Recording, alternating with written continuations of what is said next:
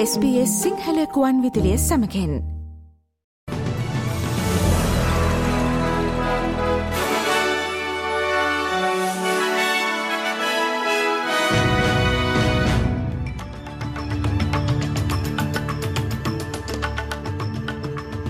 අද පෙබරවාරි මස පස්වනදා SBS සිංහල පුවත් ගෙනන මම කවින්දයා උමයංගනී චන්ද්‍ර සෝම. හමස් සංවිධානය විසින් ඊස්ට්‍රායිලය වෙත පසුගේ ඔක්තෝබර් හත්වන දින එල්ල කරන ලද ප්‍රහාරයන්ට එක්සත් ජාතීන්ගේ පලස්තීන සරනාගත ඒජන්සියෙහි සේවය කරන්නන් සම්බන්ධ වූවා යැයි සැකයක්. ඒ පිළිබඳව වහාම පර්යේෂණ පවත්වන බවට අගමැති ඇල්බනීසී පවසයි. ඕස්ට්‍රේලියාව මෙම ඒජන්සියට ආධාර ලබාදීම අත්හිටු වීය. එලෙස ඕනට ආධාර සැපීම අත්හිට වූ රටවල් අතර එක්සත් රාජධානය හා ඇමරිකා එක්සත් ජනපදයද වේ. මෙලෙස ඊශ්‍රායලයට එල්ල කළ ප්‍රහාරයන්ට සම්බන්ධ දොළොස් දෙනෙකු එක්සත් ජාතීන්ගේ සංවිධානයෙන් නෙරපා හරිනු ලැබ ඇත. It's an organisation that has had uh, bipartisan support. It's been funded by Australia for a long period of time and has been funded by our like minded allies as well. But we want to make sure that the organisation uh, has every single dollar going to the purpose for which it's given. ඕස්ට්‍රේලයානු රජය විසින් තුන්වන අදියරේ බතු කප්පාදුවට ගත් තීරණය චන්දදායකයන්ගෙන් සියයට හැට දෙකක පිරිසකගේ ප්‍රසාදයට ලක්ව ඇති බව මතවිමසීමකින් පෙන්වා දෙයි. මෙහිදී වැඩි ආදායම්ලාබීන්ගේ බදු සහන අඩකින් අඩුවීමක් සිදුවන අතර අඩු ආදායම්ලාබීන් සහ මධ්‍යම ආදායම්ලාබීන්ට වඩාත් සහන සැපයෙයි. හෙට දිනයේදී පාර්ලිමේන්තු රැස්වීමේදී මෙම බදු සංශෝධනයන් නැවත සලකා බැලීමට බාණ්ඩාගාරික ජිම් චාමර්ස් කටයුතු සම්පාදනය කරයි. ඇඩිලේට් සහ සිට්නීහි ඇතැම් ප්‍රදේශවලට පසුගිය සතියන්තයේදී සෙල්සියස් අංශක හතලියට ආසන්න උෂ්ණත්වයක් වාර්තා විය.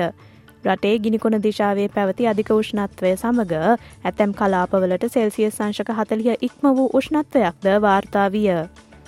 මධ්‍යම ඕස්ට්‍රේලියාවේ උෂ්නාධිකවාතය හේතුවෙන් නිව් සෞත්වේල්ස් සහ දකුණු ඕස්ට්‍රේලියාවේ කලාපවලට සෙල්සියස් සංශක හතලි සතර ඉක්ම වූ උෂ්ණත්වයක් වාර්තා විය. මෙල්බන් සහ ඇඩිලේට් වෙතට පැවති උෂ්නාධික ස්වභාවය අවම වී තරමක් සිසිල් කාලගුණක තත්ත්වයක් බලාපොරොත්තු විය හැක.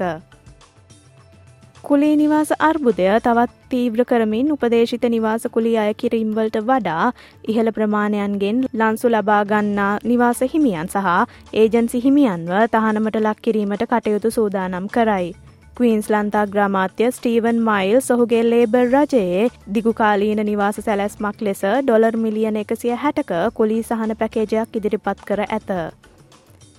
ශ්‍රී ලංකාවෙන් වාර්තාාවන පුවත් අද සතිය දේශපාලනික පුවත් විමසුමෙන් බලාපොරොත්තු වන්න.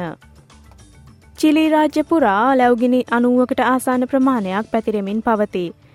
එහිදී හැටහතරකට අධික පිරිසක් ජීවිතක්ෂයට පත්ව ඇත. මේ හේතුවෙන් රට තුළ හදිසි තත්ත්වයක්ද ප්‍රකාශයට පත්කොට ඇත. චිලී ජනපති පවසන්නේ මරණ සංඛ්‍යාව ඉතාමත් ඉහලාගයක් ගනු ඇති බවට අනුමාන කරන බවයි. මෙම ලැවගිනි තත්ත්වය දින කිහිපයකට පෙර ආරම්භ විය. සංචාරක ආකර්ශණයක් සහිත වෙරලාසන්න නගර දෙකකට මේ පිළිබඳව අනතුරු ඇඟවීමක් කොට ඇත.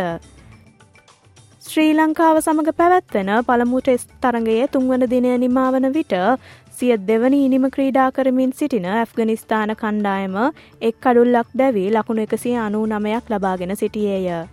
එහිදී අගනායිනිමක් ක්‍රීඩා කරමින් නොදවී පන්දුවට පහර දෙමින් සිටින ඊබ්‍රහිම් සද්‍රාන් පන්දු දෙසියදා හතකදී හතරේ පහර එකොළහක් සමඟ ලකුණු එකසිය එකක් රැස් කරගෙන සිටී.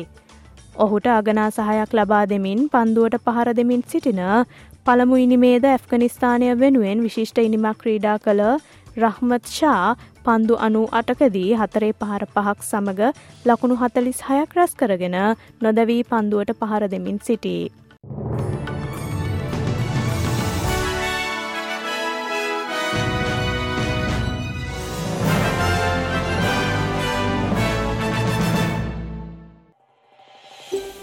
මේ වගේ තවත්තොරතුරු දැනගන්න කැමතිද. එහෙමනම් Apple podcast Google podcast Spotify ඔබගේ පොඩ්කාස්ට ලබාගන්න ඕනෑම මාතයකින් අපට සවන්දය හැකේ.